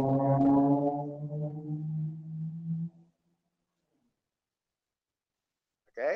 ada lagi. Oke. Okay. Um, mungkin Bang. saya ingin uh, gimana Didip? Uh, lu dulu, ya? dulu ya Alex. Gue tadi udah nanya. Oke okay, oke. Okay. uh, mungkin saya ingin menyentuh ke kehidupan Bang MG sebagai penulis. Apa yang mem Bang MJ emang dari dulu emang suka menulis atau gimana? Kenapa sekarang hobinya itu bikin novel dan uh, jadi jual bukunya? Itu tadi kan, karena suka bertualang, sekolah lama. Hmm. Nah, sekolah lama ya saya harus bertanggung jawab dong. Ya. Salah satu bentuk tanggung jawab adalah tidak minta duit sama emak sama bapak. Ya oh. Ya kan? Artinya saya harus menghidupi diri saya sendiri satu-satu cara untuk hidup saya sendiri saya menulis. Ya karena itu kan salah satu keahlian saya. Ya sehingga saya zaman itu menulis cerpen menulis cerita petualangan. Ya dan duit itulah saya bisa hidup makan bayar SPP untungnya murah. Cuma 45 ribu. Uh, beda banget. Ya itu iya, satu iya. tahun tuh 45 ribu itu. Satu semester cuma 22.500 jadi murah banget. Sementara honor nulis itu antara 50 ribu sampai 75 ribu. Jadi aman lah. Ya, Wah, untuk makan gila. cukup, untuk bayar uang kuliah cukup. Kalaupun sial-sial gak ada tulisan kemuat, saya membuat uh, apa namanya poster, bikin spanduk. Hmm, desainnya. Karena zaman sekarang kan di print. Ya, yeah. Kalau zaman dulu digambar. Nah, oh. saya saya ngambil proyek-proyek kayak gitu gambar. Ya. Komisi gitu bang atau gimana? Sepatu spanduk tuh tujuh puluh lima ribu, lumayan oh, kan? Iya. ya jadi jadi itulah menulis dan bikin spanduk dulu. Ama ngajar cewek-cewek mahasiswa, ya ah. kan? Nah, jadi ya lumayan kan Pak. Jadi itulah pertahanan hidup saya sehingga akhirnya sekolahnya lama. Ya. Tapi akhirnya disuruh kalau nggak selesai DO kan? Iya. Wah ini cilaka ini. Makanya kemudian serius serius bikin apa skripsinya. Pada saat sidang skripsi itu kan banyak yang pada DO DO ya. iya. Ini cuci gudang kan terakhir nih. Mm-hmm. kalau nggak pada DO semua. Nah, saya diuji. Nah, terus ditanya sama dia Gunawan kamu mau diuji terbuka atau tertutup? Dia bilang samain aja pak. Sama sebelumnya sebelumnya itu pada tertutup ya hmm. mungkin karena dia mau nyoba terus dia bilang gini kamu ini anak apa kok takut? Nah, begitu nama kapal disebut terserah bapak lah terserah bapak lah. Ya akhirnya saya lah uji terbuka. Ya. uji terbuka ya alhamdulillah ya lulus juga tuh. Jadi kenapa saya nggak pernah takut kayak ujiannya kan kita apa namanya skripsi kan kita bikin sendiri ya kita bisa jawab dong harusnya. Yang nggak iya, bisa saya harusnya. jawab yang nggak bisa kita jawab adalah pada saat dia udah nanya di teknikal ya yang hal-hal yang memang harus dipelajari serius. Jadi, saya nggak kehilangan akal saya nggak kehilangan akal. Dia nanya saya nggak paham benar akhirnya saya gambar. Ya dinding apa di papan tulis saya gambar. Nah dibantu sama penguji. Ya betul. Lalu digimanain? Nah pelan pelan saya ingat ya artinya hmm. karena pengalaman itu ya kita nggak nggak gampang patah hati sementara ada satu kawan anak kapal juga dia DO dan saya merasa berdosa ah. karena dia benar-benar bekerja di bidang insinyur sipil karena saya kan enggak. Jadi sebenarnya lebih memerlukan insinyur sipilnya daripada saya. Tapi ya itu tadi, pada saat ditanya, dia bingung. Padahal selesai ujian yang dia nggak bisa jawab, dia kita tanya, dia bisa jelasin. Saking ah, panik. Grogi ya? Artinya, artinya kalau kita punya peluang ketemu orang, presentasi, berargumen, itu akan membantu nanti saat ujian skripsi maupun di tempat kerja. Oke, oke, oke, oke. Bang MJ. Apa? Uh, lu bangga nggak bang? Sekarang anggota kapal udah 1.600an lebih. Kalau saya, saya itu selalu ingat sahabat saya pendiri kapal FTUI, ya Mas Widianto Widiatmaja. Ya, kenapa? dia adalah salah satu sahabat berdebat saya. Dia jauh lebih senior dibanding saya. Tapi dia mau mendengarkan juniornya mendebatnya dan dia bisa menentukan kalau memang lebih baik dia akan ikut. Buat saya itu uh, pelajaran yang sangat berharga bahwa saya dia seorang demokrat. Ya. Saya ikut membantu dia pada saat dia menulis skripsinya tentang uh, lembaga pemasyarakatan. Dia anak arsitek. Dia bikin hmm. skripsi tentang lembaga pemasyarakatan di Nusa Kambangan. Gun temenin gue dong Gun. Di Nusa Kambangan kayak rada ngeri-ngeri juga. Wah, gue kesempatan nih. Untuk cinta ulam tiba masuk ke daerah-daerah kayak gitu kan. Nah, kita belajar, mempelajari bagaimana ruang-ruang uh, penjara yang manusiawi. Karena dia mau bikin itu sebagai karya akhirnya. Hmm dia seorang yang baik nah, dan dia meskipun uh, apa namanya nggak setuju dengan keputusan-keputusan juniornya tapi jika secara mayoritas junior-juniornya sudah sepakat tuh hal itu dia ikut. Nah itu buat saya salut. Dia meninggal uh, masih muda sebenarnya dan itulah melihat tadi kemarin saya mendengar cerita-cerita kalian ya kalau dia dengar saya langsung ingat dia. Uh, pasti dia akan berbahagia.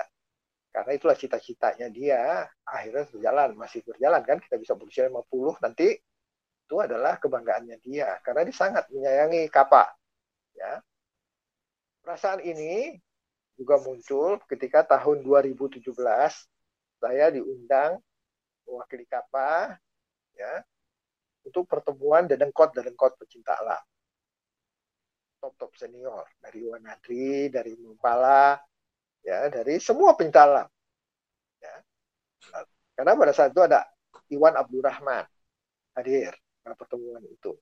Saya langsung teringat sama Mas Wid lagi. Karena Mas Wid dididik langsung sama Iwan Abdurrahman. Ya.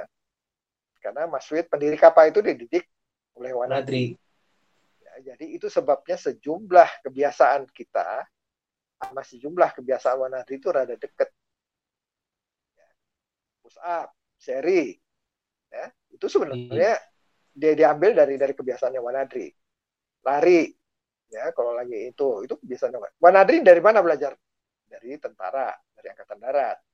Ya, jadi kita sama Wanadri itu dekat sekali karena memang pendiri kita itu dulu ikut sekolah pendidikan uh, Gunung Hutan yang Wanadri, SPG-nya Wanadri. Ya, enam Nah, mereka ini ingin ditarik ke Mapala. Cuman mereka bilang, gue mau masuk ke Mapala, tapi teman-teman gue juga dong. Jangan gue aja, yang mentang-mentang hmm. gue yang terlatih atau terdidik. Gitu mereka ingin lebih banyak. Tapi Mapala kan punya standar tersendiri. Nah, itu nggak jadi. Itu sih sesungguhnya kenapa akhirnya mereka bikin sendiri di kampus kita. Oke. Okay? uh, uh, saya rasa Bang MJ itu cukup dekat dengan Bang Widya. Tapi uh, kalau dengan Benny Pangkerego, apakah Bang MJ dekat juga? Saya dekat, ya karena apa? Uh, saya dilantik oleh mereka. Oh. Ya, saya memperoleh anggota inti. Ya, saya memperoleh anggota inti itu dilantik oleh Benny, oleh Anton, ya. Dan mereka itu yang melatih saya, ya, dasar-dasar dan segala macam. Ya, tapi di kemudian hari ya itu kembali, ya orang kan berkembang masing-masing. Hmm. Ya. Jadi berbeda-beda. Tapi mereka lah yang memberi dasar. Karena mereka kan memang lebih senior dari saya kan. Benny salah satu yang melantik ikut melantik saya. Ya, pada saat saya dapat stambuk anggota inti itu Benny yang ikut berperan. Saya dilantiknya dilepas di apa namanya Cibodas naik ke kawah Gunung Gede. Direct. Hmm. Nggak lewat nggak lewat nggak lewat nggak lewat bypass ya. Hmm. lewat arahan naik langsung. Nah, zaman itu pakai Mose dan semafur ya kan? Nah cilakanya Anton itu pakai Morsenya pakai suitan mulut. Jadi ah. kayak kayak kayak cecuit burung aja. Kita nggak bisa nangkep persis apa kata-katanya. Hmm. tapi kalau logika logika aja jawab ternyata logika kita benar ya jalan terus. Ya. jadi nah sampai dilantiknya di puncak uh, uh, Mandalawangi. Ya dilantik di Mandalawangi. Selesai dilantik dapat merah itu di dada kiri kita ditugasin bawa teman kita satu angkatan kita ya yang keracunan turun. Itu tugas itu sudah selesai kita bawa turun meskipun beratnya Allah Robi ya kita setengah mati tuh bawanya. Tapi selamat. Jadi tugas-tugas kayak gitu tuh kita lakukan. Itu pada saat saya dilantik tuh tugasnya kayak gitu. Jadi kita ulangnya harus bawa bawa apa? Harus mikul beban eh, kawan yang tapi kita berpikirnya sederhana aja orang kawan sakit ya emang harus kita tolongin kan kita nggak bisa tinggalin teman begitu aja. Jadi itu kayaknya semangat di masa itu cukuplah besar. Satu kawan misalnya ikut pelatihan SAR yang melibatkan eh, Kopaska. Ya. Diturunin di laut. Suruh berenang. Dia nggak mau kalah. Ya. Dia menjadi orang kedua yang apa yang sampai ke daratan di belakangnya ada dua uh, pilot tempur ketinggalan sama dia. Apa akibatnya? Kedua pilot tempur ini strap habis-habisan. Hmm. Ya, apa namanya dihukum. Kenapa? Karena dia kalah sama anggota amatir. Kita kan anggota amatir, kita kan orang sipil, bukan bukan kalau kita yang kalah kan gak ada gak ada, gak ada biasa aja loh, ya kan? Iya. Tapi jadi hal-hal kayak gitu, itu semangat semangat kayak gitu zaman itu sangat kuat, sangat tinggi. Kita nggak mau kalah. Kompetitif. Kompetitif, betul. Iya. Ya, karena bayangin sama tentara Kospaska yang khusus, pilot khusus, ya. Kita masih nggak mau Jadi kita beruntung karena zaman itu memang kita agak latihannya sama sejumlah tentara, kopat darat, komando tempuran udara dan segala macam sehingga kita punya kesempatan-kesempatan latihan kayak gitu.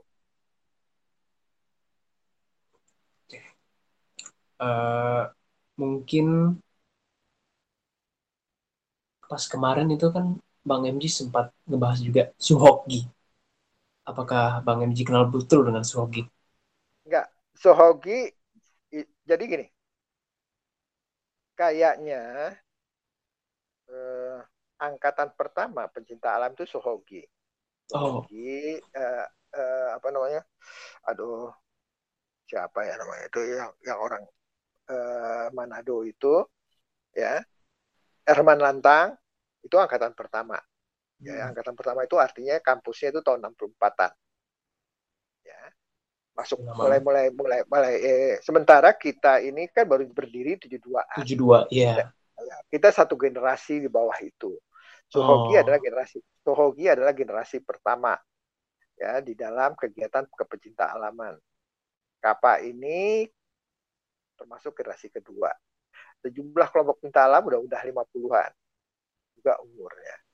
Ya, arahnya kalah kalau nggak salah barusan 20-an tahun juga. Jadi kita memang di generasi kedua lah.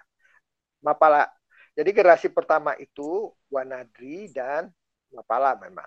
Hmm. Itu generasi pertama pecinta alam. Kalau kalau kita ini generasi keduanya lah. Ya. Oke oke oke. Oke. Uh, one last question um, mengenai kapak ini. Kan berhubungan dengan kapak yang dua lagi itu akan mencapai umur yang ke-50 tahunnya. The golden age lah ibaratnya. Kira-kira Bang MG harapannya apa? Kira-kira ada usul nggak kita harus ngapain? Kalau saya, saya berharap satu, kita kan pernah buat jejak, ya. Sedikit atau banyak kita menorehkan jejak kita masing-masing. Angkatan saya, ya paling nggak pernah tercatat di buku 22 tahun KPFTUI. Hmm. Tapi kan sesudah di bawah itu kan masih banyak lagi. Jika kita bisa buat dengan lebih detail, lebih enak untuk dibaca, Artinya kan orang poin saya gini loh, dunia berubah. Tantangannya juga berubah. Ya. Tapi kita mau lihat bagaimana Kapa melihat tantangan ini, melaksanakan tantangan ini, melakukan karena kan nggak bisa disamain dari waktu ke waktu. Ya. Tapi dengan cara itu kita memperlihatkan, hei ada bagian-bagian yang menyenangkan loh, ada bagian-bagian yang keren loh, jadi anak kapa. Nah apa itu? ya sehingga kapal ini memberi inspirasi itu yang satu hal to be honest yang saya kemarin juga sudah saya sebut saya sangat bangga saya sangat bahagia bahwasanya kapal setia dengan menjaga keragamannya. Ya, mereka yang memperoleh badge merah itu kura-kura merah itu itu tidak dilihat berdasarkan suku dan agamanya. Itu buat saya itu yang membuat saya saya selalu monitor misalnya saya lihat nama-nama kalian nih. Ya kalau namanya si raga beragam ya itu artinya kalian masih masih kapa kita dulu karena kita dulu selalu menjaga hal itu kita tidak melihat suku agama tapi melihat betapa kita saling membantu saling tulus saling setia dengan teman itu yang justru yang terpenting bukan agamanya bukan sukunya seberapa seberapa besar nah, hal-hal ini tentunya kan perlu kita share, kita bagikan, terutama di saat-saat negara kita ini semakin terbelah-belah. Hmm. Ya. Jadi itulah kenapa kalau kita bisa menulis buku menjelaskan secara nggak langsung hal-hal itu, bahwa saya kita telah mengisi masa muda kita dengan menyayangi negara ini, berusaha mengenalnya. Saya kan pergi ke pelosok-pelosok itu untuk mengenalnya. Jadi saya tahu, oh, ada masyarakat yang hidup seperti itu, ya saya berusaha blusuk-blusuk ke sana ya dengan segala risiko yang kalian bilang itu ya jadi sebenarnya semangatnya lebih ke sana kalau kita bisa melakukan hal itu menjelaskan eh kawan kita telah mengisi ini loh cara-cara kami mengisi masa muda kami. Ya kami merasakan manfaatnya seperti ini. Ya, itu yang diceritakan. Ya jadi dengan demikian mudah-mudahan kita bisa menginspirasi generasi-generasi di bawah kita yang kita nggak tahu seperti apa mereka nanti? Nggak tahu. Itu urusannya kita yang kita tahu yang kita jalanin kan? Kita kan nggak iya. tahu kan? Nah jadi dengan demikian mudah-mudahan ya, mereka melihat oh ada alternatif seperti kehidupan seperti ini loh. Itu aja sih. Bahwasanya bisa jadi bisa enggak ya gitu. siapa yang tahu masa depan? Ya kan? Bisa jadi. Tapi yang penting kan upaya itu satu. Yang kedua ya bikinlah kita kegiatan-kegiatan yang pernah kita jago misalnya lomba.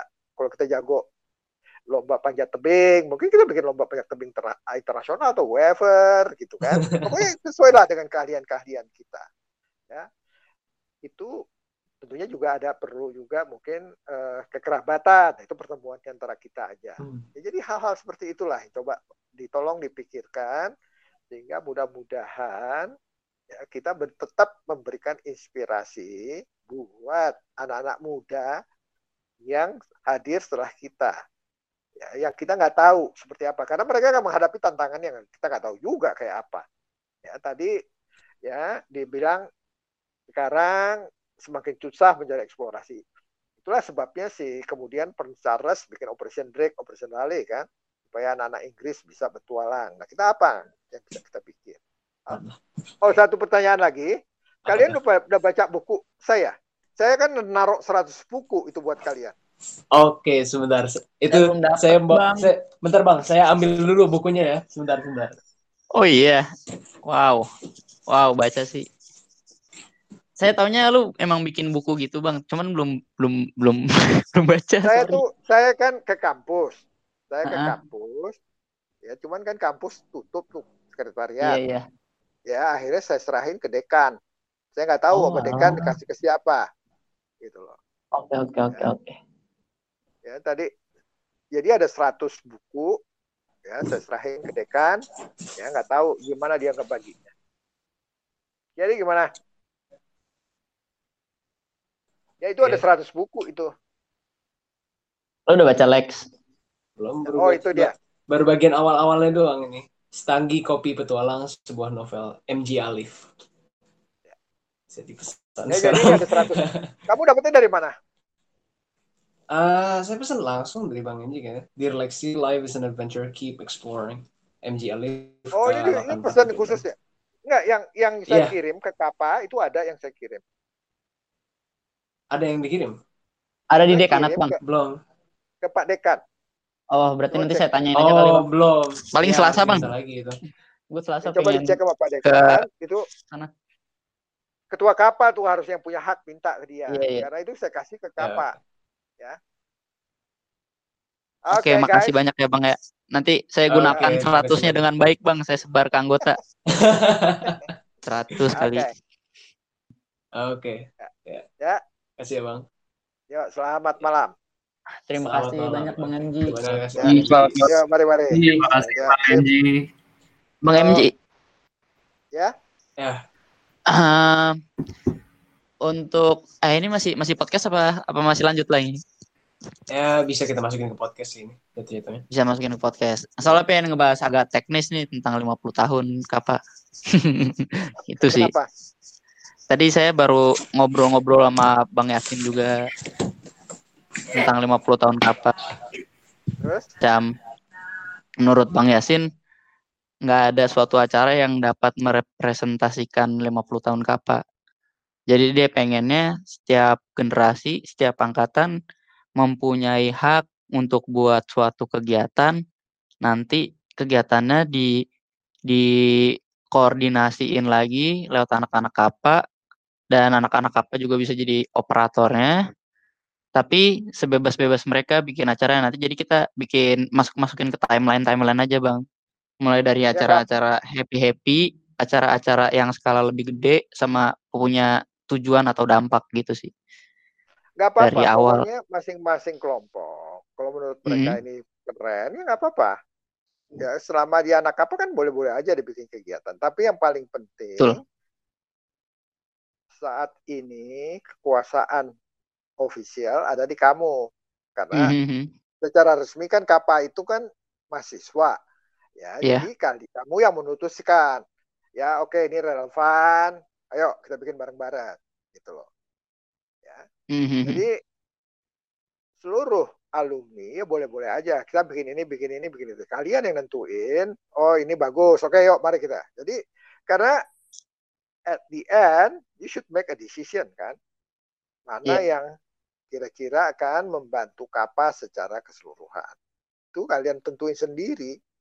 Ya bukan bukan kita mah bisa usul A I U E O ya kan.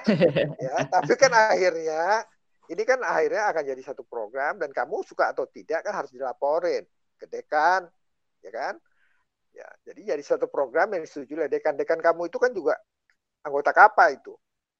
iya Ya, jadi jadi itu Eh, prinsipnya seperti itu.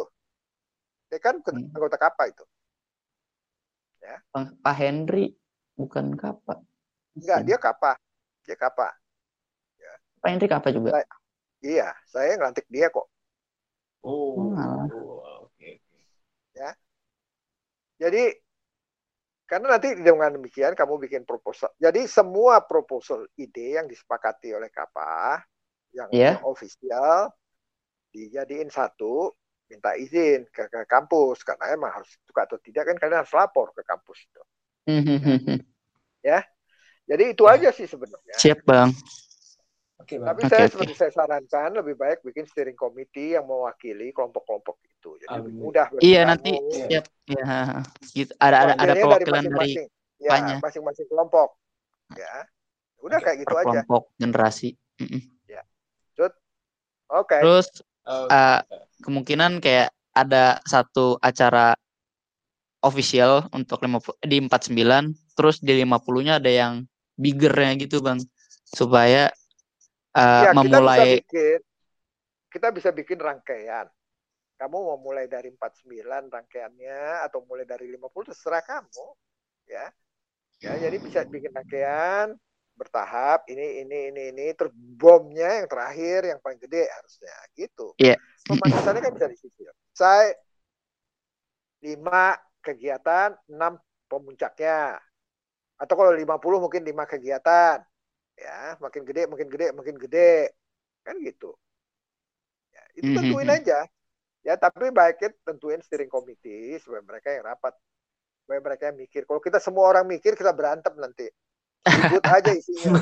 Ya, jadi iya benar benar bener, Bang. Ya, Hmm. kamu yang ah tapi tentuin. kayak eh, batasan kegiatannya tuh masih cukup luas gitu sih gue lihat ya bisa Ya, bisa apa pun siap. berarti pelan-pelan di, di, di, disisir jadi lebih fokus pelan-pelan. Tapi nggak apa-apa Ah. tahap awal. Tahap awal kan orang semuanya nggak ngablak.